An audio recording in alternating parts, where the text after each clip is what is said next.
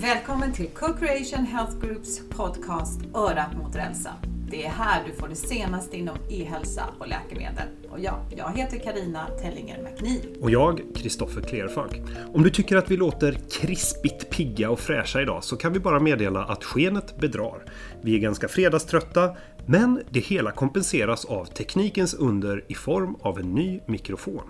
Våra tidigare gäster här i Örat mot rälsen, Daniel Forslund och Per Mosseby, skulle båda bli knäsvaga av alla funktioner och inställningar som finns. Ja, ja, Kristoffer, det är jättefint, men går det att spela in en podcast med den? Eh, ja, jag hoppas det, för strax ska vi träffa Ann Söderström som är ansvarig för hälso och sjukvården för 1,6 miljoner svenskar i 49 kommuner. Nämligen den fina, fina Västra Götalandsregionen. Inom ANS ansvarsområde sorterar inte mindre än 19 sjukhus, fyra sjukhusgrupper och det ska bli väldigt spännande att höra vad som är på gång där just nu. På tal om vad som är på gång, det verkar som att hon, Ann, hon är på gång. Ska vi börja? Ja, där är hon ju. Hej Ann Söderström! Vad kul att vi kunde ses här när du ändå var i Stockholm. Mm, tycker jag med. Eh, kan du inte berätta lite grann vad du har gjort här uppe? Vi har haft våra eh, gemensamma hälso och sjukvårdsdirektörsnätverk där alla hälso och sjukvårdsdirektörer i landet träffas och diskuterar gemensamma frågor. Ah, okay. Och är det, är det ett gäng som brukar ses då? Så att ni har Ja, vi ses en gång i månaden parallellt med att landstingsdirektörerna ses och ekonomidirektörerna och HR-direktörerna. Just för att hitta de här gemensamma frågorna där vi kan jobba bättre tillsammans och hitta samordning. Mm. Har det varit konstruktivt? Ja, det tycker jag. Ja, vad kul.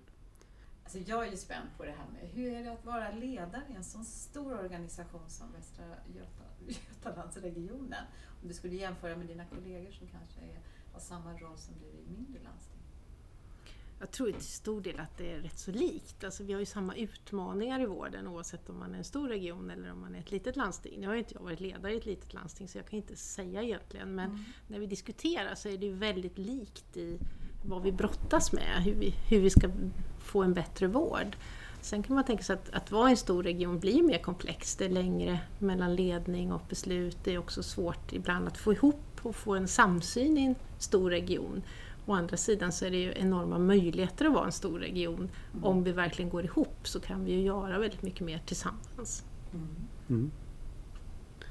Eh, är det något som du, som du känner att du är lite avundsjuk på dina, dina kollegor som har mindre landsting? Där, där du ser att ni ska vara glada att ni inte har det här bekymret eller så? Nej, det tror jag inte. Jag tror att jag har ett roligare jobb som har komplexiteten. Jag, jag är lite triggad av att ha det. Samtidigt ibland kan man känna att det är 18 sjukhus, det är 200 vårdcentraler. Det är klart att det ska vara lättare att ha ett sjukhus eller få sjukhus. Eller en, en handfull kommuner istället för 49 kommuner att samverka med. Men samtidigt är ju det också en del av utmaningen. Och när, det, när det lyckas så, så är vi mycket starkare. Mm. Så att, eh, det är väl både och. Men de här sjukhusen och sådär. När, nu är du kanske en superhjälte och kanske inte behöver besöka vården så ofta. Men när det händer, hur är det att vara patient eller brukare i din egen organisation? Jag hoppas att det är som att vara patient även om man inte jobbar. Vi är ju 50 000 anställda så det är ju rätt många i organisationen som också är patienter i, i vår region naturligtvis. Ja. Men jag upplever väl precis eh, vad många andra upplever, att det är långa köer ibland. Eh, man får vänta på akuten, jag har suttit på akuten med anhöriga och det är långa väntetider. Men när jag väl har träffat vården så har jag väldigt goda erfarenheter av, mm. av kvaliteten på vården. Men just tillgängligheten, där har vi ju en bra bit kvar. Mm. Hur ser din målbild ut för Västra Götalandsregionens hälso och sjukvård? Eh, vi håller precis på att ta fram en målbild eller diskutera just en omställning av hälso och sjukvården. Mm. Vi tror att vi måste jobba på tre breda fronter och framförallt då att jobba med den nära vården och jag vill inte säga primärvård utan vård utanför sjukhus. Eh, hur, hur kan vi liksom flytta vården närmare patienterna? Jag kan tänka våra multisjuka äldre som åker in och ut på akuten. Eh, om vi tänker att ett vårddygn hos oss kanske kostar 7000. Vad kan vi göra med en veckas inläggning, 49 000? Det är rätt mycket pengar om vi flyttar de resurserna till primärvården eller mm. till den nära vården. Alltså hur kan vi bygga en vård som är mer anpassad efter efter multisjuka, efter andra behov. Så att, eh, jag tror att vi kan bygga ut den nära vården, inte bara för multisjuka eh, utan även för barn, familjer. Alltså hur, hur styr vi så att vi finns där där patienterna och invånarna behöver oss. Så ett område är nära vården, det andra området är att jobba med ökad digitalisering, nyttja tjänsterna eh, där vi kan bli mycket bättre och nyttja de möjligheterna som finns. Mm att möta patienterna. Varför har vi inte öppet kanske digitalt på våra vårdcentraler på morgnarna innan man ska gå till förskolan eller liknande. Alltså mm. hitta de här lite mer efterfrågestyrda mm. än att vi funderar ut hur mm. vården ska vara och mm. jobbar liksom tillsammans med patienter och invånare. Vad, vad, är det man vill ha? Det kanske inte är 8 till 5 som är det viktiga. Det kanske är viktigt mellan 7 och 8 eller mellan 17 och 18 för att man behöver det. Och det tredje området är att koncentrera vården för bättre kvalitet och tillgänglighet. Vi tror inte att vi kan göra allt på alla sjukhus utan träning ger färdighet. Det här ligger ju också i linje med Måns, Måns Roséns utredning med träning ger färdighet, det ligger nära vården med Göran Stiernstedts utredning och digitalisering då med e-hälsovisionen. Mm. Så, att så att vi jobbar nu på bred front ur de här tre områdena och tror, vi kallar det här att ställa om vården. För vi tror att det här är ett skifte i vården. Vi, kan, mm. vi måste skifta om vården. Vi bygger väldigt mycket på akutmottagningar och våra sjukhus och även det här systemet. Vi har ju till priset av en specialiserad vård så missar vi ju de som har behov av olika specialiteter. Vi har ju för få generalister. Det är klart att våra allmänläkare är generalister, men på sjukhuset har du hjärtbesvär ska du träffa en hjärtdoktor, en njurdoktor och en neurolog och så. Vi måste se helheten mer och få ihop det här. Idag är, får ju patienten själv navigera mellan de här olika specialiteterna. Vi måste hjälpa till där och få en helhet och kanske skapa mer sjukhusgeneralister. Mm. Ja, det, det, är ju en eh, det är ju många processer mm. som är inbyggda i att det finns olika stuprör av mm. specialiteter. Mm. mm. Och att, att bryta upp den matrisen är ju mm. ganska eh, utmanande. Men om, om vi tittar sådär. Den största utmaningarna, en eller två utmaningar som du ser nu när du tittar på din sån här att göra-lista. Sådär. Så är det, ja, men de här, det, det här är riktiga utmaningar nu 2017. Vad, vad skulle det vara för något? det är att flytta vården närmare, alltså jobba mera uppströms, alltså jobba i den nära vården för att undvika onödiga sjukhusinläggningar. Jag mm. tror att man kan göra vården, den akuta vården mer planerad. Att mm. flytta från det här att man blir dålig och så väntar man och så blir man inlagd till hur kan vi jobba förebyggande så att man inte har behov av akutsjukvård. Naturligtvis ska den finnas kvar när man har behov av den men mycket vård skulle genom att vi planerar bättre kunna undvika att man måste åka till sjukhuset. Så att, att jobba mera förebyggande. Eh, den andra stora utmaningen överhuvudtaget, som inte bara är i min organisation, det är ju liksom den ökade segregationen, psykiska ohälsan. Alltså hur, hur tar vi oss an det? För att vård, det blir vårdens, man hamnar i vården, men det är inte vården som har lösningarna för, för de stora frågorna med psykisk ohälsa, eh, utanförskap med mera. Samtidigt så, så finns de hos oss och hur jobbar vi då tillsammans med samhället i övrigt? Vi har ju nu antagit att vi har ett folkhälsomål, eller ett mål i, i Västra Götaland för att alla ska gå ut skolan med godkända betyg. Mm. Vilket är nog ett av de bästa förebyggande målen och då handlar det ju inte om mera lärare, ja det kan vara en bit av det hela. Men för oss handlar det kanske om mödravårdscentraler, familjecentraler, barnavårdscentraler, barn och ungdomspsykiatri. Och för skolan handlar det om skolhälsovård och kuratorer. Mm. Men, och kanske för frivilligorganisationer, idrottsorganisationer. Alltså hur kan vi bidra till att man kan gå ut nian med godkända betyg och att man kan gå vidare till gymnasiet. För det vet vi att det är en väldigt bra prediktor Alltså har du inte gått ut nian med godkända betyg, då har du en rätt tuff resa framför dig. Mm. Sen kan man läsa in betyg, det är jag helt medveten om. Men vi, det visar ju statistiken. Vi, vi måste börja. Alltså, ja. Vi vet att ohälsan blir mycket högre om man inte har det. Och vi behöver ju vara lite mer proaktiva istället för reaktiva. Mm. Eh, två intressanta delar där. Jag fick frågan inom panel för förra året. Och vad skulle du vilja ändra i, i Uppsala län? Så är det. Om jag i ett trollslag kunde se till att alla gick ut grundskolan med godkända mm. betyg. Och alla som gick gymnasiet skulle gå ut med godkända mm. betyg. Det skulle vara en sån insats för för vår region. Mm. Eh, och för och det, hälsoläget. Det, och så, hälso, för alltså, det, det, spiller över så många mm. positiva effekter. Um, jag, jag, jag, tänkte lite grann på det här med eh, när du säger flytta vården och, och vara tillgänglig. Eh, hur, hur kan man liksom, när en eh, en vårdcentral känner att den är översvämmad och säger att ja, då får vi hänvisa till akuten. Hur, Mm. hur kan man jobba med de frågorna för att liksom, hjälpa, hjälpa till där? Vi har en väldigt klok politik nu som faktiskt har anammat så att vi diskuterar väldigt mycket omställning och som också har gett oss förtroende att ge oss en omställningsbudget. Mm. För jag tror, vi kan liksom inte flytta pengarna från sjukhuset till den nära vården samma, i samma tid. Nej. Men där har vi fått ett stöd med att det finns omställningsmedel. Och jag tror kanske att vi får betala lite dubbelt ett tag. Men det är ett Ja, stort klokt. ansvar att se till att, att det blir en effekthemtagning så att det inte sitter där. Men jag tror, vi jobbar ju väldigt mycket nu med mobila team för våra mest sjuka. Eh, Alltså då avlastar ju det vårdcentralerna kan man säga. Då, då vårdar man ju dem hemma istället. Eh, kan man hitta andra sätt att få ut att specialister från sjukhuset finns mer ute i den nära vården? Att vi inte har den här skarpa gränsen mellan allmänmedicin och, och sjukhuset utan att vi får ut mer specialister som vi också då kan använda en del av våra omställningsmedel till för att stimulera en ökad rörlighet. Så, så tror jag att först, alltså jag tror att den nära vården måste ta ett större ansvar i, för en bättre hälsa helt enkelt. För där är man ju liksom tidigt ute och kan förebygga. När har ni, hur, ser tids, eh, hur lång- tid har ni de här omställningspengarna? Tre år har vi Tre dem. år. Vi har 1,1 miljarder under tre år, alltså sammanlagt under tre, en treårsperiod. Och det ska användas för att göra den här omställningen? För att göra omställningen i de här tre områdena. Den nära vården, koncentration av vård och digitalisering. Just det. Mm. Du är ju ledare i den här omställningsprocessen. Hur kan en typisk arbetsdag se ut för dig? Det är väldigt mycket möten. Jag tänkte Det- säga det. ja. Är du låst i Ja, mötes... väldigt mycket möten. Är det. Ja. Så. Fast samtidigt är det ju man kan ju bli väldigt uppfylld. Alltså jag tycker det är väldigt spännande med de här mötena när man kommer med olika kompetenser och olika infallsvinklar. Mm. Och, och så hittar man liksom det gemensamma fast man ser problemen från olika håll. Om, om man liksom lär sig själv också att se, oj, så här kan man ju också tänka om man hade kommit från annat håll. Till exempel att sitta då med kommuner, folkhälsa med mera och diskutera hur, hur får vi till det här med skolan och godkända betyg.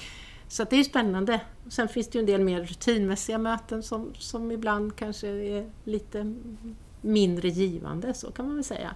Å andra sidan så har man ju ett ansvar för alla möten man går på naturligtvis, att få ut så mycket som möjligt. Men eh, mycket möten är det och eh, det finns mycket mejl kvar på kvällarna. så Jag tänkte precis fråga så, det. Så arbetsdagen Lägger du då det klassiska att man lägger admin mellan eh, 8 och 10 på kvällen? Sådär. Ja, en del blir det. Och sen försöker jag att ha lite space liksom, mellan mötena. Att försöka... Hade en period när jag tänkte att alla entimmesmöten blir 45 minuter och alla två timmars möten blir en och en halv timme just för att få de här... mm, För att ringa och mejla. Sen har jag ju fantastiska medarbetare också så det gäller ju också att ha tid och, och delegera och koordinera och, och se till att det finns väldigt många som man kan fördela arbetsuppgifter på. Och ett väldigt gott gäng att jobba ihop med i Västra Götaland tycker jag. Men i den här omställningsfasen, är, blir det du som blir liksom språkröret för det? Då?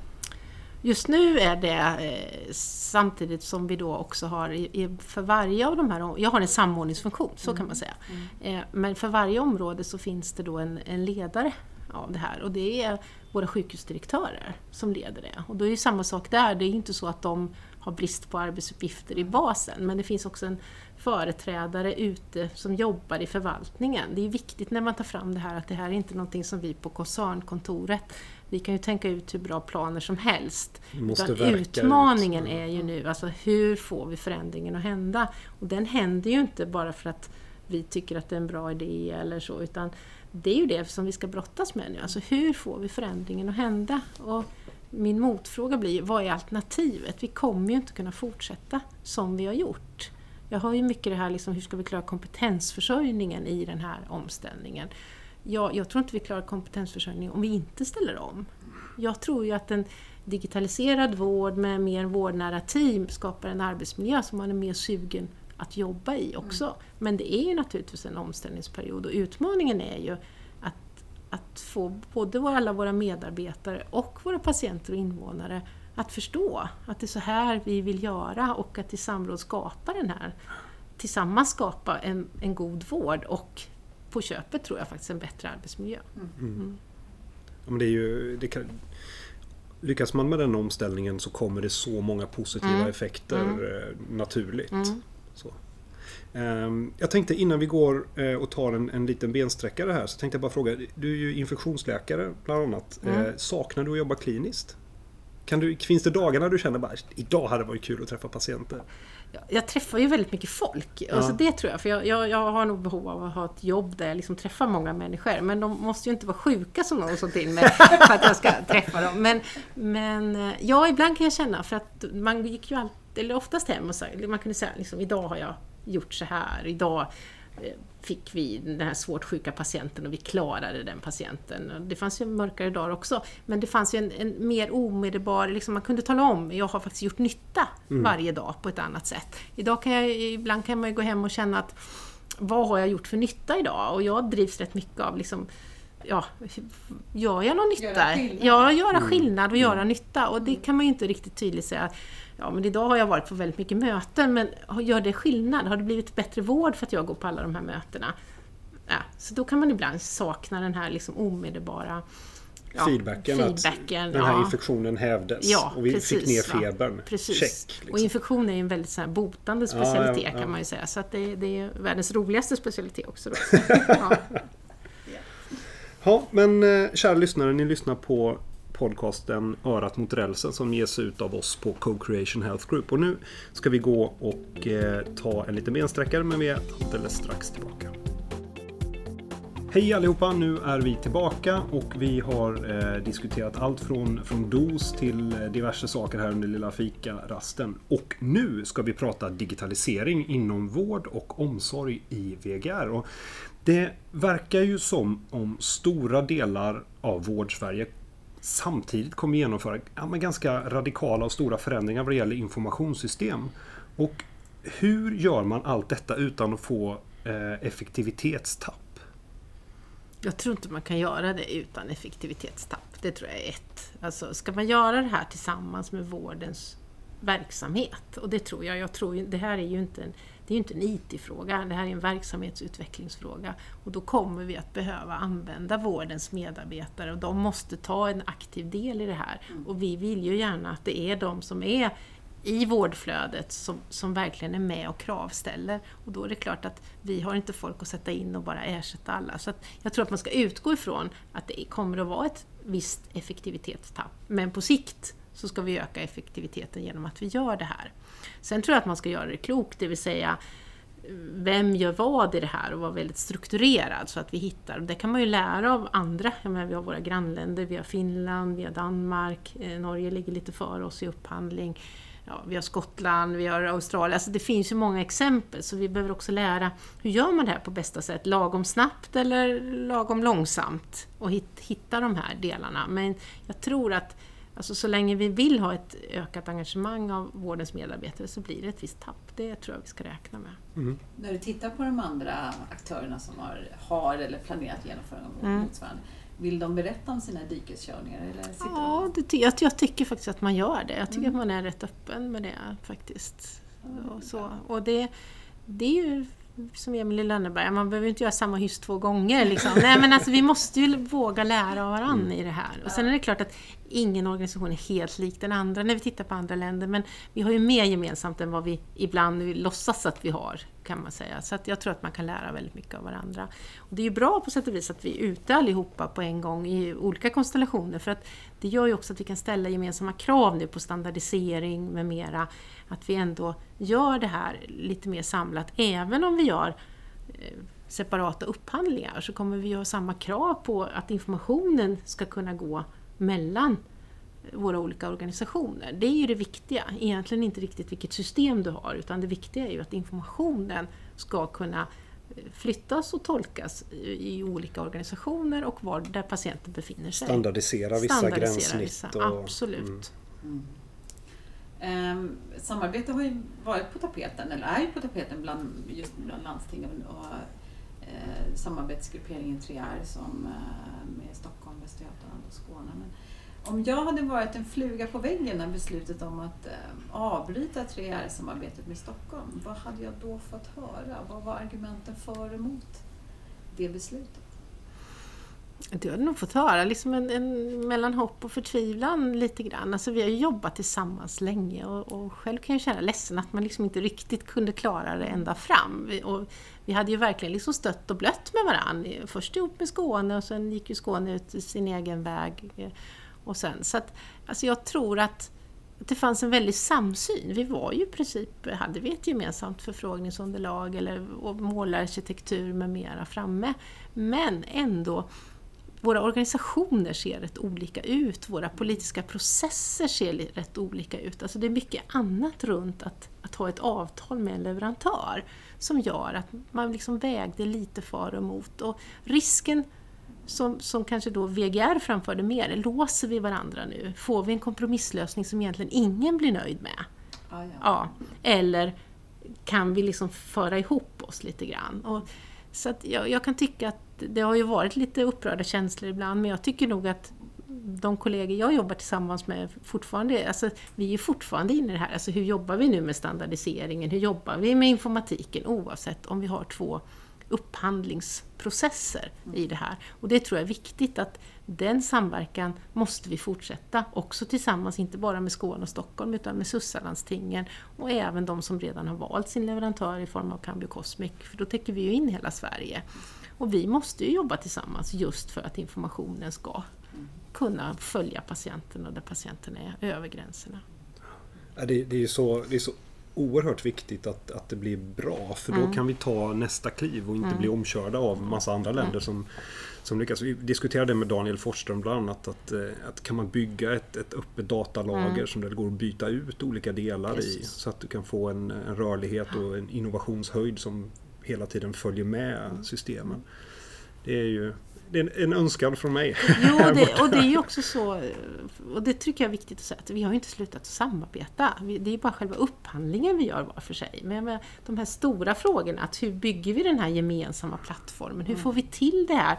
För det är ju också någonting vi kommer ju inte att vara, vi kommer inte att vara de som bygger appar, om jag då menar med vi, med landstingsvärlden. Men vi måste ju skapa en yta där vi Exakt. kan få, företag kan komma, privatpersoner som bygger appar. Alltså, de kommer ju komma från någon annanstans än inifrån oss. Det kanske kommer en del, vi har ju många kloka medarbetare, så det är klart det kan komma många bra idéer från våra or- organisationer. Men vi måste ju ha en yta där vi kan möta eh, utvecklingen på teknikfronten. Nu kommer det här nya Ja. och vi kan säga ja, bara du har de här standarderna Ja. så kan du få vara med hos oss.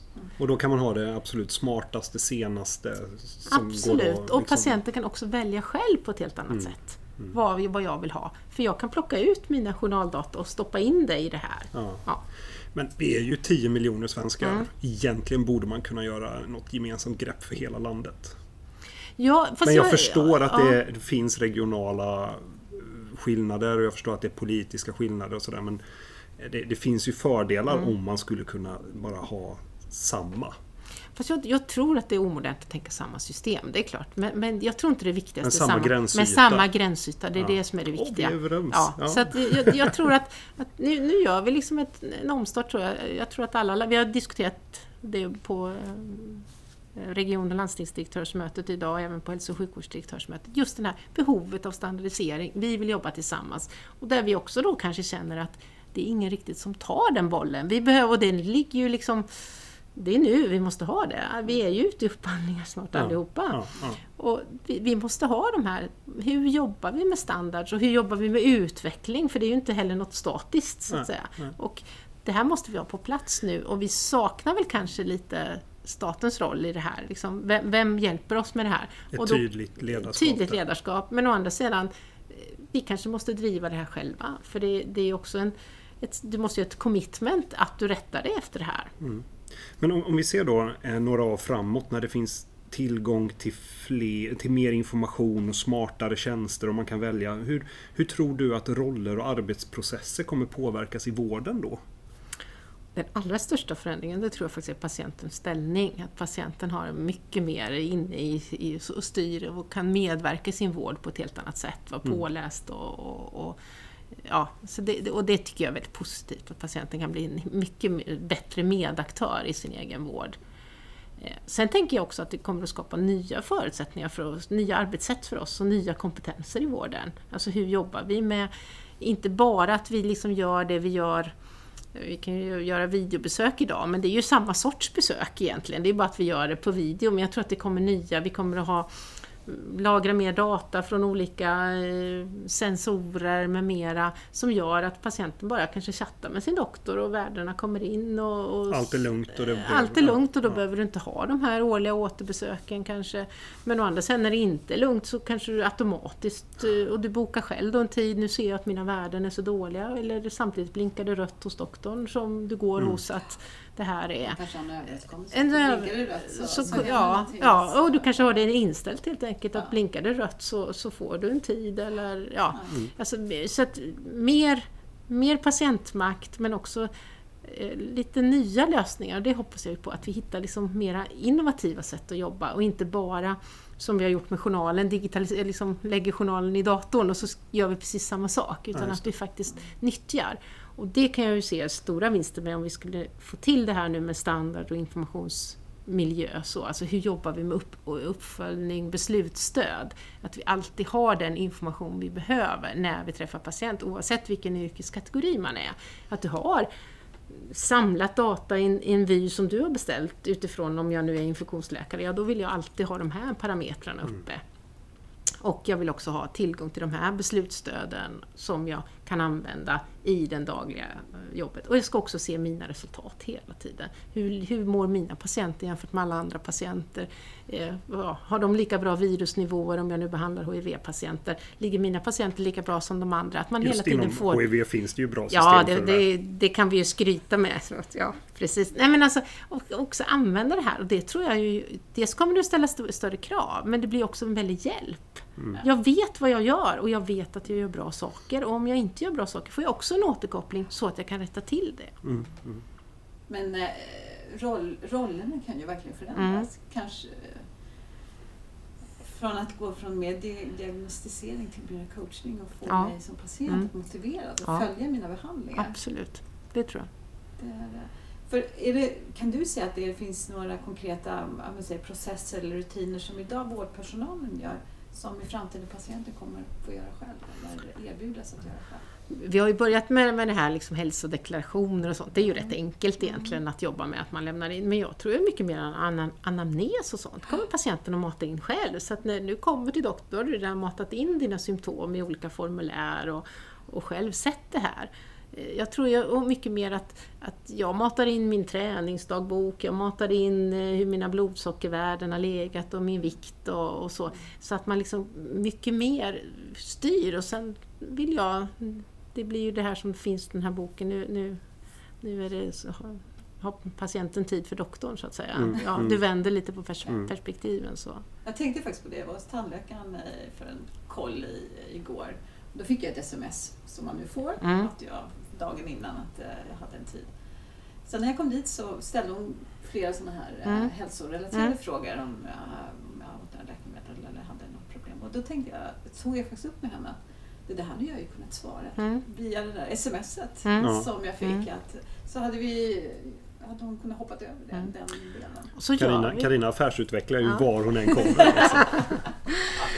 Men så gör vi till exempel med eh, reumatikerregister, reumatikerpatienter. Sitter kanske där och fyller i precis på en skala hur man mår och så, ja, men då blir ju besöket, då kan man ju liksom fokusera, behöver man ja. inte sitta och prata om sånt som är bra. Va? Mm. Men det handlar ju mycket om att patienten får en större makt tycker jag. Ja. Alltså större möjlighet att påverka, mm. vilket jag tycker är positivt. Mm. Ja. Vi, vi, var inne lite på det här när vi pratade om ledarskap från, från staten och sådär och ansvarsfördelning. Men hur, hur ser du på ansvarsfördelningen i de frågorna kring digitalisering av hälso och sjukvården mellan landsting och stat? Jag tycker ju egentligen att staten borde ta ett större ansvar i normering och standardisering, alltså i, normeringsbiten. Mm. Och också tycker jag nu i, i den juridiska bitarna vi kommer in i nu. Jag menar vi har ju Jönköping som då inte får dela journaler mellan landstinget och kommunerna på mm. det sättet. Alltså, Vissa gör det ändå. Ja, men, men, men för mig är det helt obegripligt. Vi får, vårda, vi får vårda samma patienter och vi får dela patienternas historia, men vi får inte dela deras information. Mm. Naturligtvis ska patienten ha rätt att säga nej. Det vill jag ha full respekt för. Men om vi nu sköter samma patient så är det inte patientsäkert att dokumentera i två helt Nej. olika system. Och då måste vi ändra lagen. Han tog ju faktiskt, Gabriel Wikström tog ju upp det när vi träffade honom för en månad sedan att det behöver göra saker eh, inom lagstiftningen för att eh, följa med i utvecklingen eh, och öppna upp där. Eh, Men sen säger han ju också tydligt sådär, nej men det här, det här är en fråga, det här måste landstingen ta tag i. Men då, då måste han ju också ge verktyg, eller staten måste ge eh, riktlinjer och bra förutsättningar för att kunna jobba. Och jag tror att, att utifrån patientsäkerhet och tillgång till information så, så får vi vara lite olydiga. Vi måste börja testa gränserna för annars kommer det inte att hända någonting. Och jag tror att man måste testa gränserna för vi har ett ansvar för att ta hand om våra patienter. Och då måste vi se till att vi har tillgång till den information vi behöver. Men med respekt för patientens integritet, att man måste kunna säga nej till att jag vill inte att någon ska läsa i min journal, jag vill inte nå- att någon ska dela den biten. Men de flesta patienter är ju inte oroliga för att vi har läst i deras journaler. Jag tror många De är ju- förutsätter att ni borde redan så, ha gjort de är ju det. helt liksom. förvånade över att vi inte ser, ser ni inte att jag var på akuten förra veckan? Eller Ja. ser ni inte att kommunen gjorde det här och det här? Ja. Nej, I en tid där man delar ganska Ja. mycket i sociala flöden och sådär så Ja. känns det ju... och det måste vi komma ihåg att det är ett fåtal patienter som, som vill spärra sina data. Ja. Det är fler patienter som önskar att man inte behövde berätta om allting hur många gånger som Nej, helst. Visst, visst. Det här, eh, på tal om det här med ansvarsfördelning mellan stat och landsting. Finansieringen brukar gärna komma upp där med Mm. pengarna för den här om, ja, transformeringen eller förändringen. Hur, eh, hur går diskussionen där? Jag har ju alltid varit så förespråkare för den här di- eh, IT-miljarden. Vi får ju så miljarder för allt möjligt ibland. Eh, Jag tror ju ändå att ansvaret måste ligga ute i landsting och regioner för att göra det här. Det här är ju verksamhetsutveckling. Men vi behöver stöd i vissa processer och där tror jag att staten kan ta ett ökat stöd. Men jag tror inte att vi ska sitta och vänta att får vi inga pengar så gör vi inte det här. Utan att vi, vi har ju både Skåne, Stockholm och, Västra Götaland och Sussalandstingen ändå sagt att ja, vi gör det här och vi vet ju att det är rätt stora kostnader som kommer framöver. Men eh, jag tror att det allra viktigaste är inte att staten just går in med pengar utan att staten verkligen går in och tar ett ansvar. Sen kan vi behöva pengar, men det kan ju vara professionsmiljarden, ligger ju där egentligen, där, där en av de tre delarna faktiskt är IT-verktyg och liknande, Så att vi kan ju använda, men eh, jag, jag skulle gärna vilja se en ökad eh, liksom, ansvar för det här med normering, standardisering och eh, Mm. hur vi ska jobba med Mm. de frågorna. Eh, vi tänkte gå över till det här med läkemedel. Vi har ju ett specialintresse kring läkemedelsfrågor och läkemedelsinformation. Eh, och det här med ansvar. Ibland kan det vara så att det är otydligt vad ansvaret för effekter utav en behandling, speciellt då läkemedelsbehandling, vad det är. Speciellt om patienten har gått till flera olika vårdgivare. Ehm, och det kan ju vara så att patienten har många olika kombinationer av läkemedel som man har fått från olika håll. Hur gör man för att göra det tydligt och utifrån patientens förväntningar, det här med ansvar när det gäller behandlingar och, och i det här fallet läkemedelsbehandling? Man önskar ju att alla patienter hade en ansvarig läkare, någon som är. Och idag är det ju väldigt svårt, om man nu oftast är ansvarig läkare i primärvården, att ta det ansvaret eftersom man inte har tillgång till patientens läkemedelslista som det ser ut idag. Så är det ju väldigt svårt att ta ansvar för hela behandlingen. Men eh, nu är ju det på gång att bli lite bättre i alla fall. Man kan inte, det blir väl en hitta och titta-lista. Men eh, eh, jag tror att förutsättningen är att, att man har tillgång till, till eh, patientens full, fulla läkemedelslista och att den verkligen kan uppdateras på rätt sätt. Men eh, om man är patient så måste man ju veta vem, vem har ansvar. För att det är väl det som brister också som vi var inne på i början. Alltså det här, vem, vem tar ansvar i den här specialiserade världen? Och det behövs någon som säger jag är ansvarig. Och det är ingången för patienten. Sen kan ju doktorerna emellan eller förskrivarna emellan prata med varandra men det går ju inte att skicka patienten runt hela tiden. Vi måste bli bättre på att säga att det är hit du vänder dig om du får Mm. problem. Och vem ser du idag är den här ansvariga? Är det primärvården? Primärvården är basen och sen så tror jag att man för mm, patienter då som har sin liksom, kontakt på sjukhuset, man har en speciell sjukdom så att säga, då utser man den. Men jag tror att det ska vara tydligt för patienten, vem är det jag vänder mig till? För man, det går inte att ha fem olika som inte pratar med varann. Och jag tror att basen ska vara i den nära vården, men att man då om man nu har en besvärlig specialiserad sjukdom och har sin kontakt på sjukhuset, det är klart att då är det en doktorn där, men då ska det vara uttalat och då ska också primärvården veta det. Ann, du har ju jobbat i, i både eh, kommersiella bolag, läkemedelsbolag och sen i offentliga organisationer. Eh, och vi i Co-Creation tycker det här är en väldigt intressant gränsyta där det finns kunskap inom läkemedelsindustrin som kan komma vården till gagn och vården kan jättemycket som kan komma industrin till gagn. Hur ser du den här gränsytan? Hur kommer den utvecklas framåt och vad kan man göra tillsammans? Jag tycker att man måste vara väldigt professionell där. Att man, att man har olika roller och vet liksom var gränsen går i sina olika roller. Vi behöver ju varandra. Det är ju självklart att vi behöver nya läkemedel.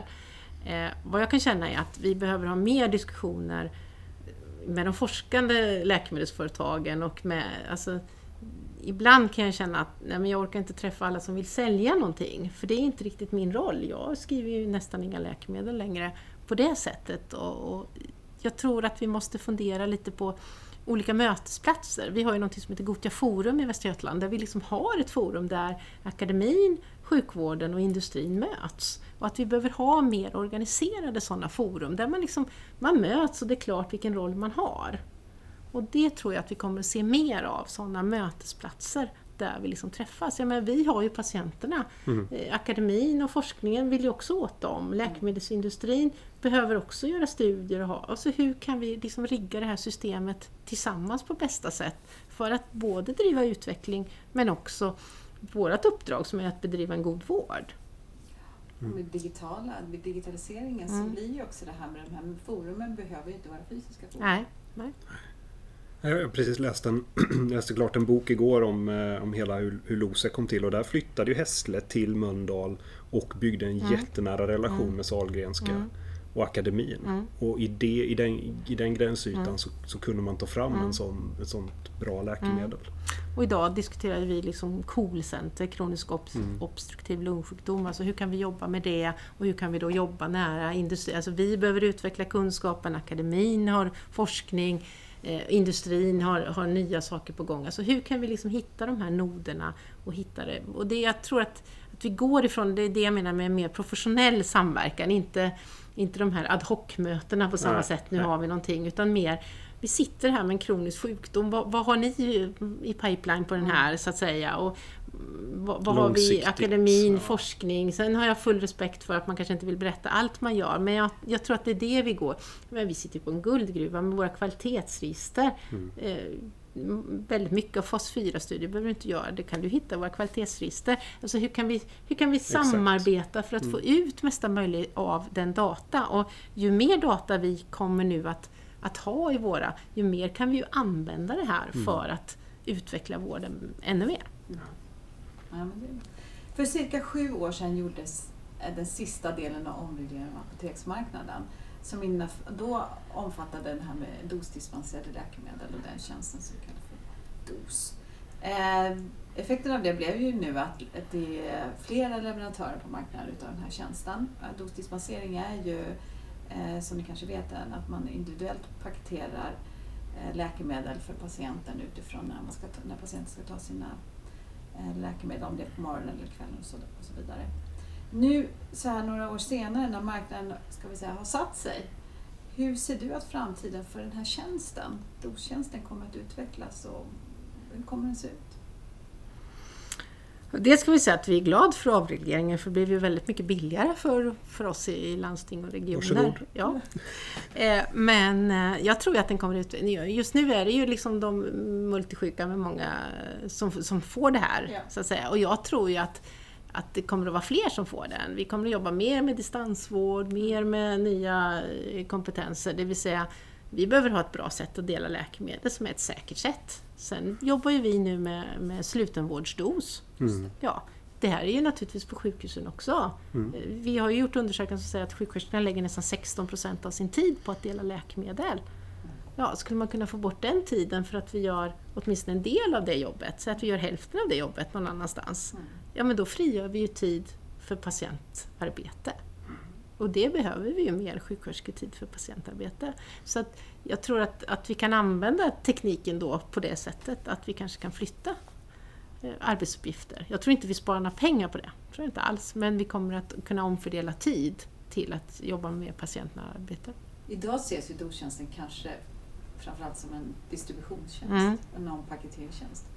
Man skulle kunna se det som en tjänst för, eh, som är mm, för effekt Mm. av själva läkemedlet, Mm. att få högre compliance Mm. eller, eller att, att faktiskt eh, patienten tar sina läkemedel så som de är tänkta. Mm. Där känner jag inte att vi all, kanske inte har jobbat lika mycket Nej, med. nej. Eh, Nej. Alltså rätt... Nu har jag ju varit med och grundat ett av de här eh, bolagen som, som om, var med i omregleringen av dosmarknaden. Så jag är ju lite biased i detta, må- måste jag ju flagga. Men jag menar att få rätt med läkemedel på rätt tid i rätt mängd. Mm. Det är ju en... eh, Det är ju en, tar ju bort en del av de här confounders som Mm, finns. mm.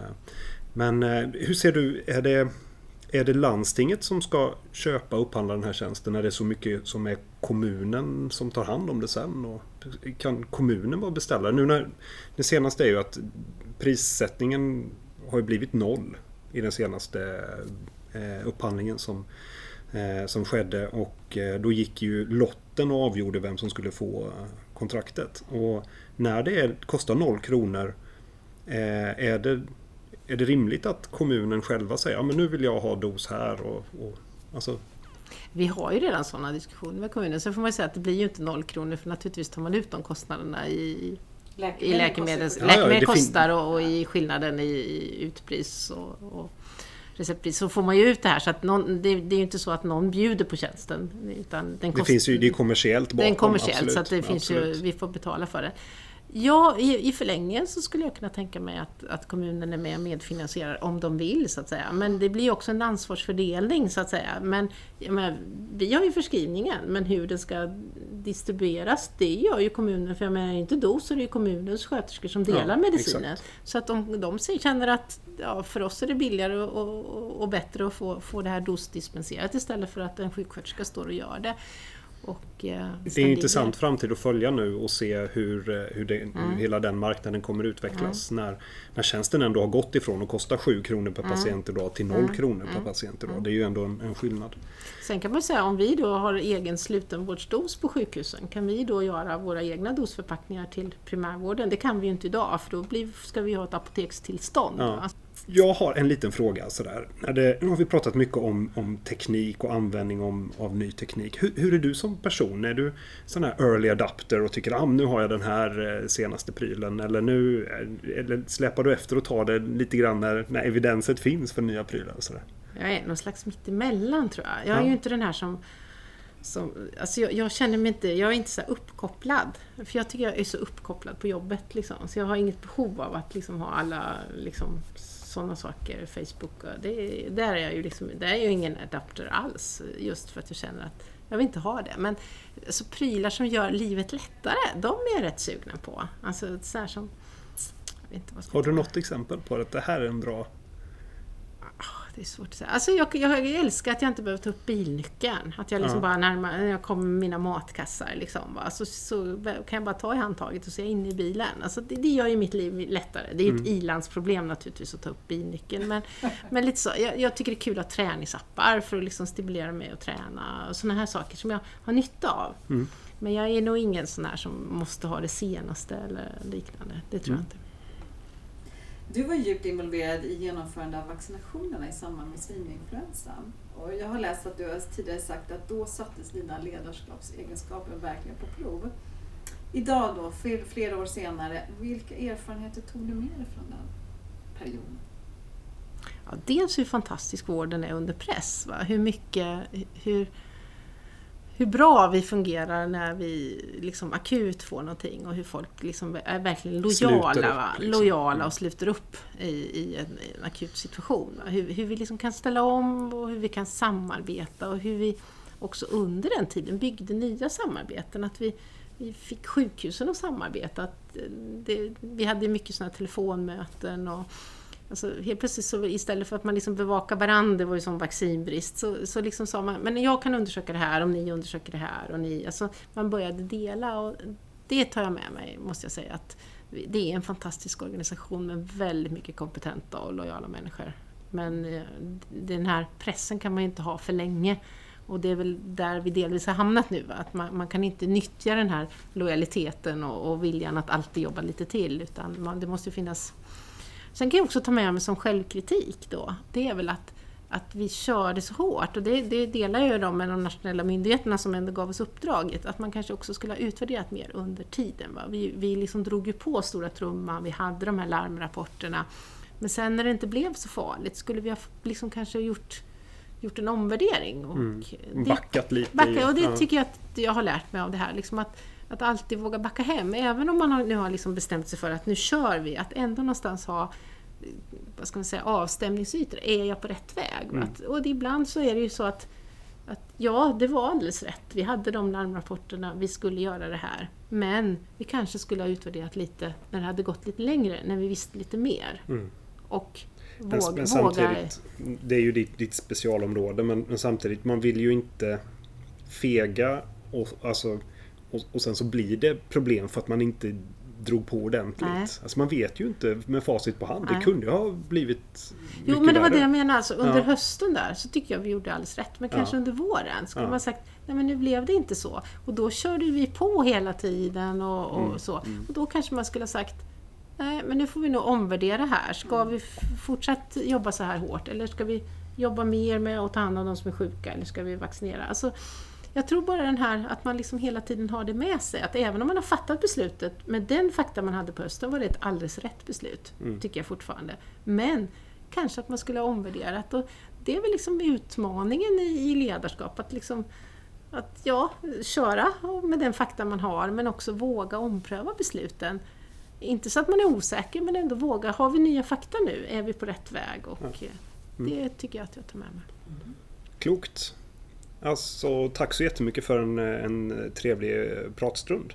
Tack! Eh, nu ska du få åka tåg kanske eller flyga tillbaka Tåg. till vackra västkusten. Tåg vill jag absolut säga. Eh, till vackra västkusten. Hälsa västkusten så jättemycket från mig. Och så... Från mig? Nej, Carina, du, jag och Carina har ju den här stående vendettan om, eh, om eh, är vi- Stockholms skärgård är vackrare än Bohuslän.